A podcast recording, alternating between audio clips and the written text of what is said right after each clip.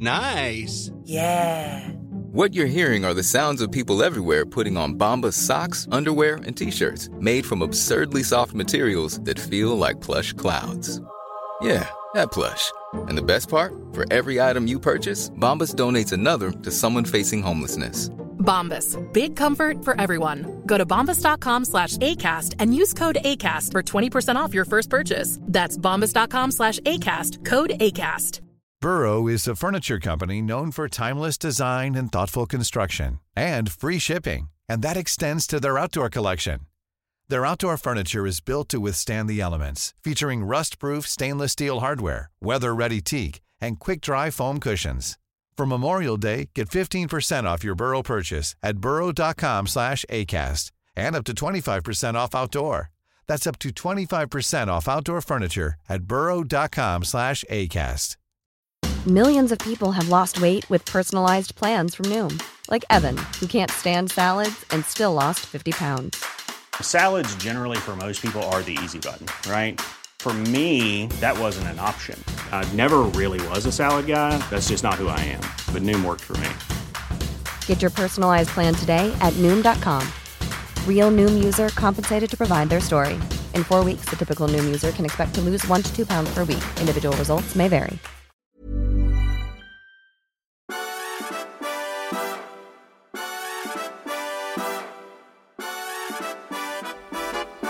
Morgon. Ja, hej på dig. Hej. Du, nu är det bokmässa för fulla muggar. Ja, jag läser om det. Jag är inte, Och vi är inte, är inte där. där som du märker. Du är inte där. Nej, heller. jag märker att du inte är där. Bra att veta. Ja. Nej, men hur du, eh, tycker det är intressant det här. Det har ju eh, varit så mycket snack om att eh, vi måste ta itu med barnens läsande och kulturchefer har enats som ett upprop och sådär. Mm. Ja, det var bara det att eh, någon påminde mig om att det kom en proposition 2013 som eh, föreslog nationella mål för litteratur och läsfrämjande för barn. Mm. Och då la man fram 15 miljoner årligen för det här uppdraget. Det är liksom som, men det är ju bara 10 år sedan. De där pengarna kan ju då, propp 2013 14 kolon 3, måste vara pengar i sjön eftersom alla är nu så... Vet man var de har tagit vägen?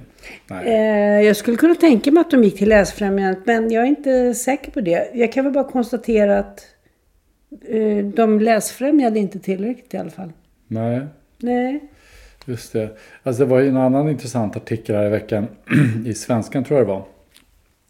Som eh, konstaterade att eh, de där siffrorna om att läsförståelsen bland unga svenskar har gått ner inte alls stämmer. Utan att det det handlar om är att alltså bland svenska ungdomar som är födda i Sverige eller har svenskt ursprung så har inte alls läsförstående gått ner. Även om det visserligen är så att, att de läser mindre och så. Däremot så är ju läsförståelsen usel bland de som då inte har svenskt kom ursprung. 2015.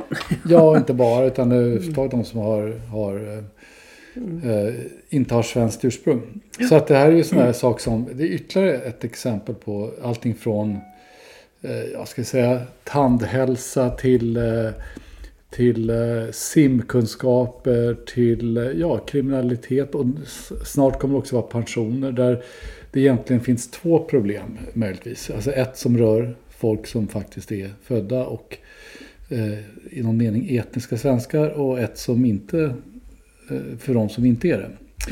Och det där gör ju att liksom, den här genomsnittsstatistiken vi brukar syssla med i homogena samhällen, den funkar inte riktigt Den är längre. inte så bra. Nej. Nej. Man brukar ju undvika den därför att man är rädd att peka ut som det heter. Ja, och det var ju en artikel i Svenskan den här veckan eh, som handlade just om det där. Där man hade tittat på just det här och konstaterat att det var inte på det sättet. Att, att eh, svenska ungdomar i allmänhet eh, Läser för illa. läser för illa. Eller förstår för dåligt i varje fall. Nu ska jag ta fram någonting kul. Ja. Jag har nu avslutat en fantastiskt intressant bok. Mm. Som inte är skönlitteratur utan helt enkelt vanlig Ser- äh, verklighet rakt över. Fast den ser ut som en spänningsroman. Ja, det är Magnus Ranstorp, Ranstorps bok Från terrorns frontlinjer. Ja. Som har kommit på Mondial. Jag måste säga att ibland så är, blir man helt slagen av att man behöver faktiskt inte hitta på historien när verkligheten Nej. innehåller sådana här galna... Eh, ja, det, det är overkligt det han berättar. Men han var ju verksam eh, tidigt på eh, universitetet i St. Andrews. Ja, just det. Där han var terrorforskare och byggde upp den typen Skottland. av...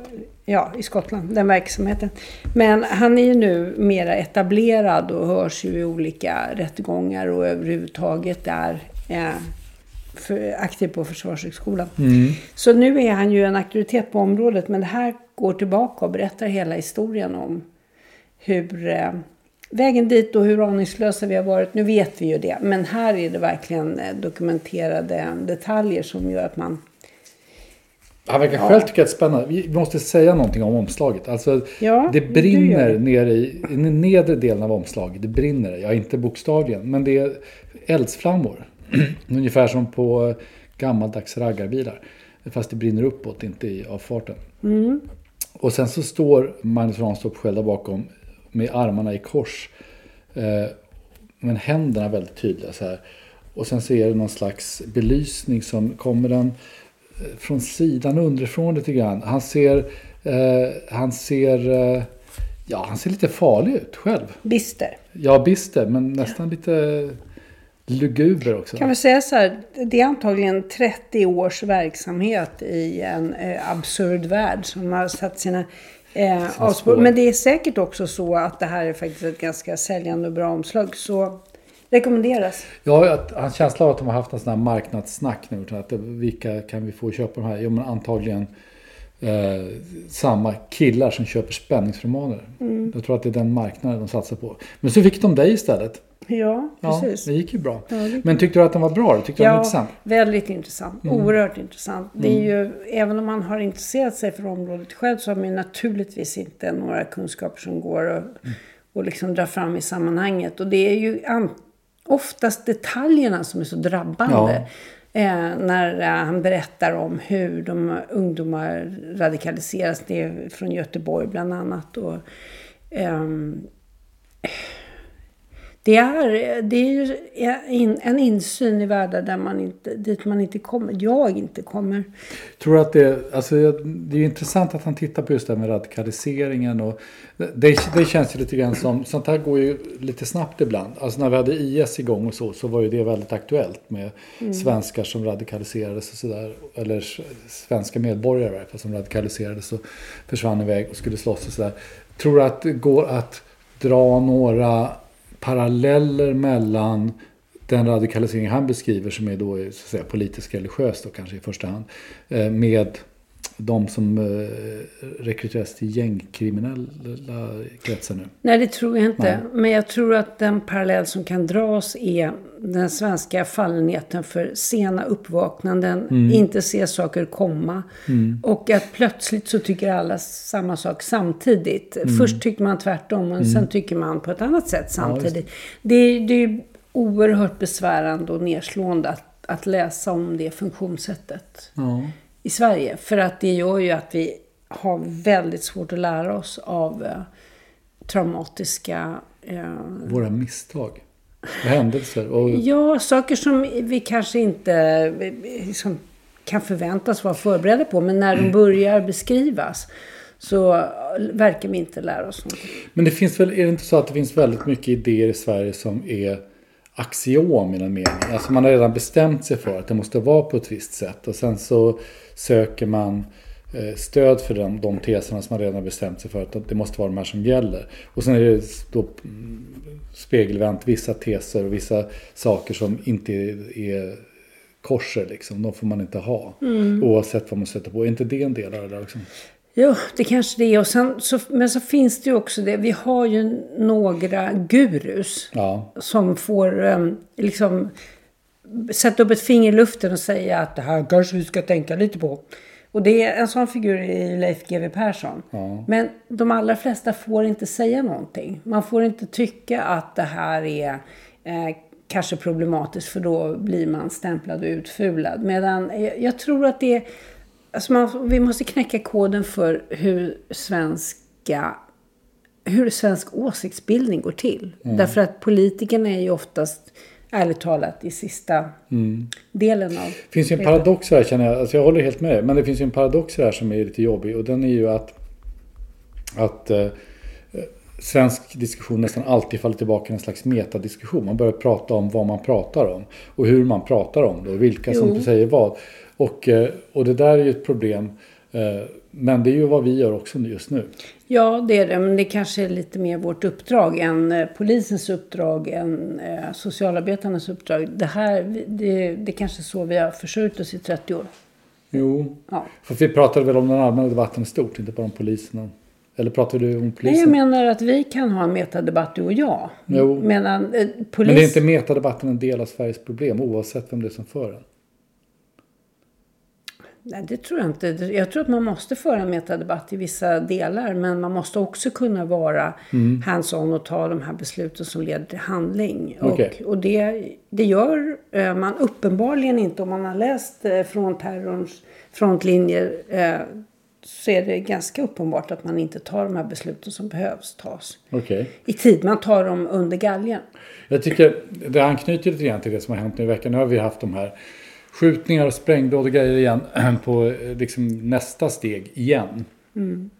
Eh, och Ulf, vår statsminister Ulf, som vi kallar honom för, eh, har hållit tal till nationen, vilket ju alltid är lite jobbigt att göra och få det bra. Och eh, vi har haft eh, eh, den här intressanta saken som hände då, att i torsdags när när Kristersson skulle hålla sitt tal till nationen på kvällen. Då dök Magdalena Andersson upp på eftermiddagen och talade om att hon tycker att militären ska kunna få hjälpa polisen. eh, och det gjorde hon ju förstås därför att hon visste att Kristersson i sitt tal till nationen skulle säga just det. Ja. Så det gällde att hon skulle vara först med det.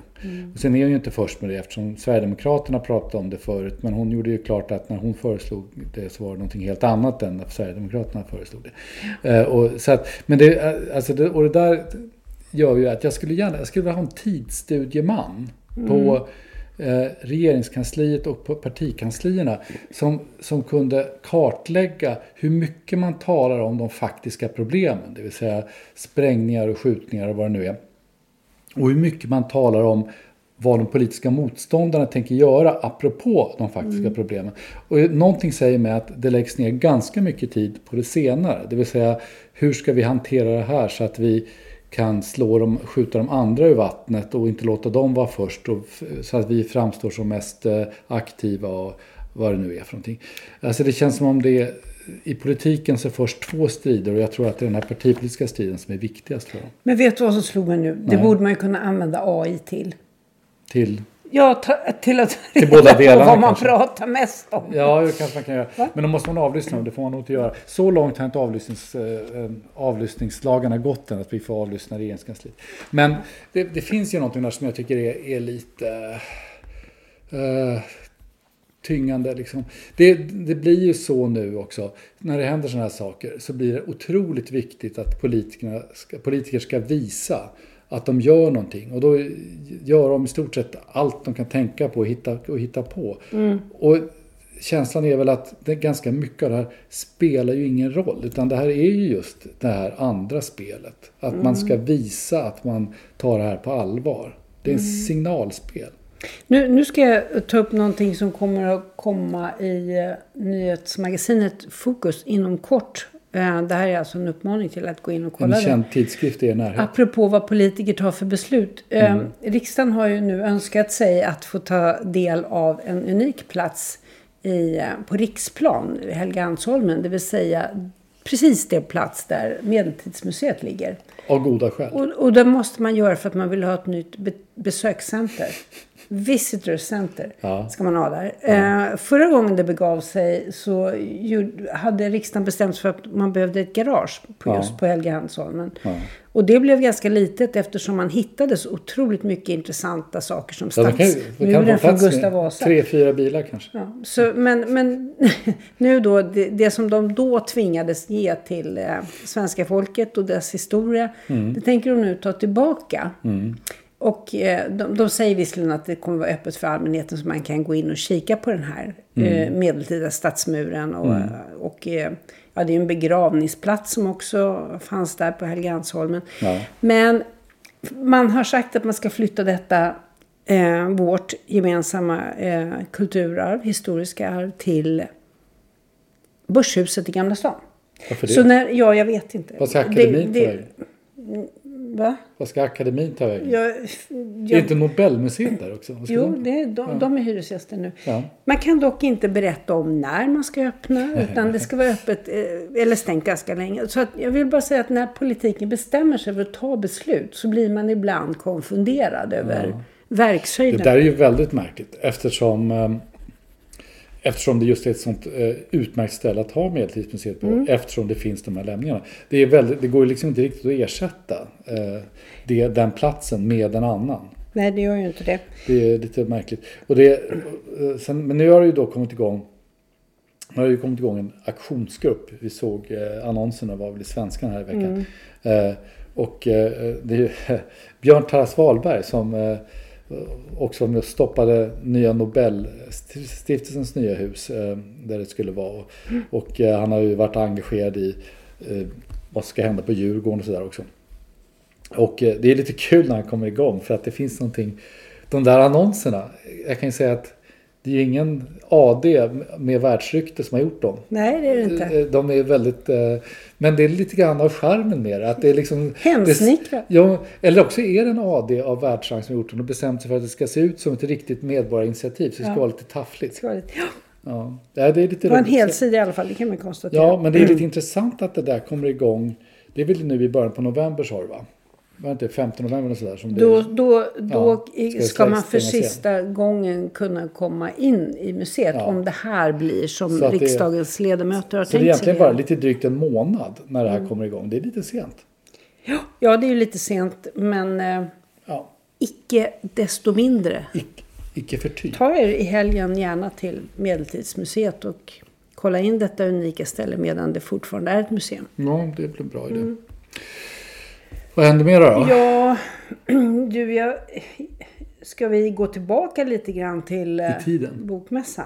Ja, Eller? det kan vi göra. vill. Jag tycker det är rätt intressant för jag såg att Aftonbladet de häromdagen berättade ju att de har ett nytt manifest för kritik där de ska lägga sig mer att recensera bred litteratur och mindre av smal finlitteratur. Och det har fått deras litteraturkritiker Magnus Ringgren som har skrivit i 41 år i Aftonbladet att se, lämna sitt uppdrag skriver han på Facebook. Ja. Eh, Det är ju eh, ett tidens tecken, eller hur tolkar du det? Ja, ja det, det kanske, jag tycker det känns som ett tidlöst tecken. Jag har någon sån här vag känsla av att jag... Det var någon på DN som gjorde så här när DN införde eh, någon slags... Siffersystem, Siffersystem i recensionerna. Ja, och- Fyra och fem möjliga och sånt Ja, sånt där. Och det, det på något sätt känns som, jag tycker det känns väldigt tryggt och, och, och lite mysigt. Att, eh, att det känns som en klassisk kulturstrid. Arg gammal rec, recensent, eller kulturkritiker, säger att nu får det vara nog och reser sig på och går. Det känns som en... eh. Det är så det ska vara i, i, eh, Ja, i det, kulturvärlden. Ja, men är inte det, är inte det lite hemtrevligt på något Jo. sätt? Apropå, Sen så har inte jag läst det här manifestet. Jag, jag begriper inte riktigt varför en kulturredaktion känner behovet av att skriva ett manifest eh, om hur de ska göra. Är det inte bättre bara att göra det? Det är lite, snacka om metadebatt. Vad är, det, vad är det de vill uppnå tror du när de skriver ett manifest om hur de ska arbeta? Jag antar att man gör det därför att man tycker att man har varit lite marginaliserad och att ingen bryr sig om vad som händer på ens kultursida. Mm. Det är ju onekligen så att Expressen har en väldigt aktiv kultursida. Ja, Eh, Det måste man ju säga. Så det kan ju hända att eh, om man nu fortfarande kallar sig för kvällstidning så att man tycker att den största konkurrenten där är...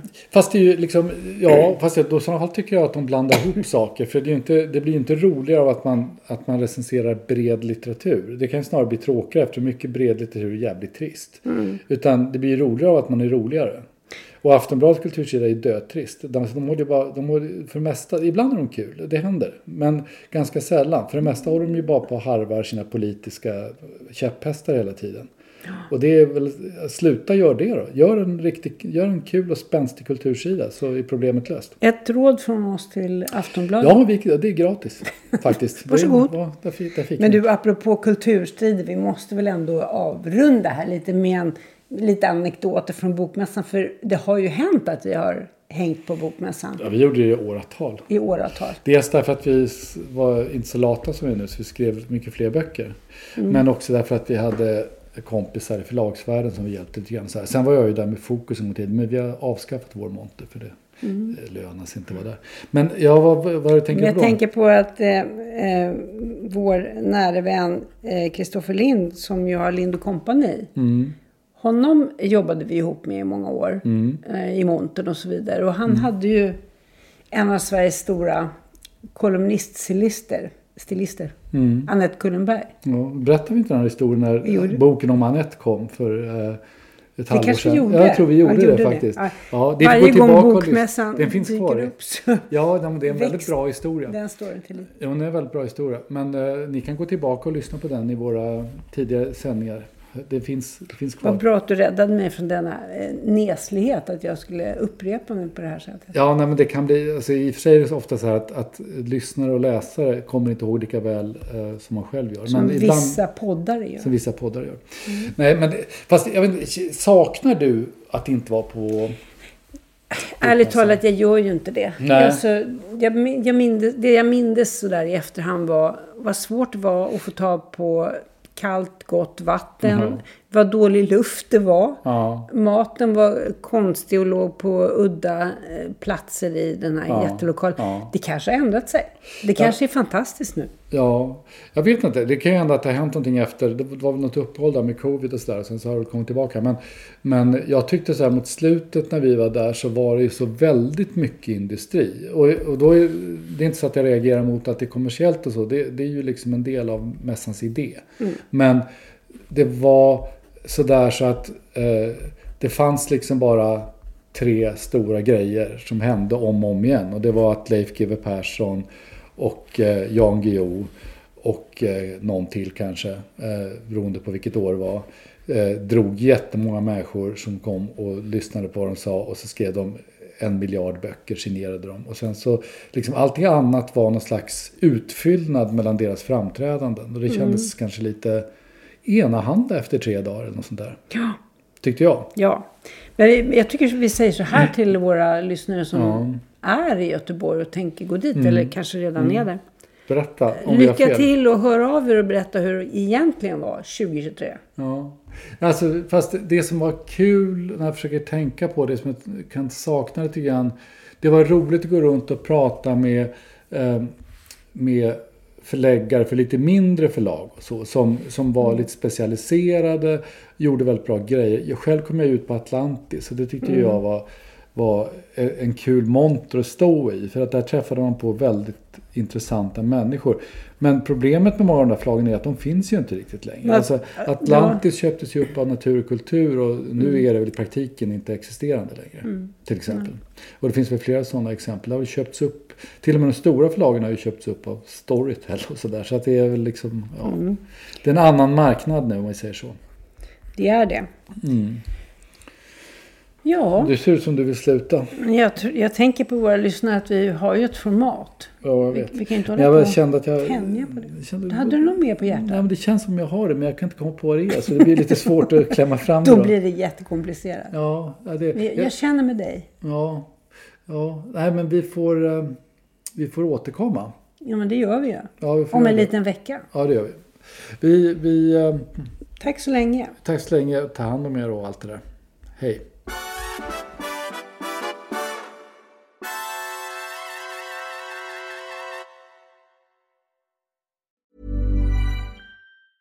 Hey, it's Danny Pellegrino from Everything Iconic. Ready to upgrade your style game without blowing your budget? Check out Quince. They've got all the good stuff shirts and polos, activewear, and fine leather goods, all at 50 to 80% less than other high end brands. And the best part? They're all about safe, ethical, and responsible manufacturing. Get that luxury vibe without the luxury price tag. Hit up quince.com slash upgrade for free shipping and 365 day returns on your next order. That's quince.com slash upgrade. Planning for your next trip? Elevate your travel style with Quince. Quince has all the jet setting essentials you'll want for your next getaway, like European linen, premium luggage options, buttery soft Italian leather bags, and so much more. and is all priced at 50 to 80% less than similar brands. Plus, Quince only works with factories that use safe and ethical manufacturing practices. Pack your bags with high-quality essentials you'll be wearing for vacations to come with Quince. Go to quince.com/pack for free shipping and 365-day returns.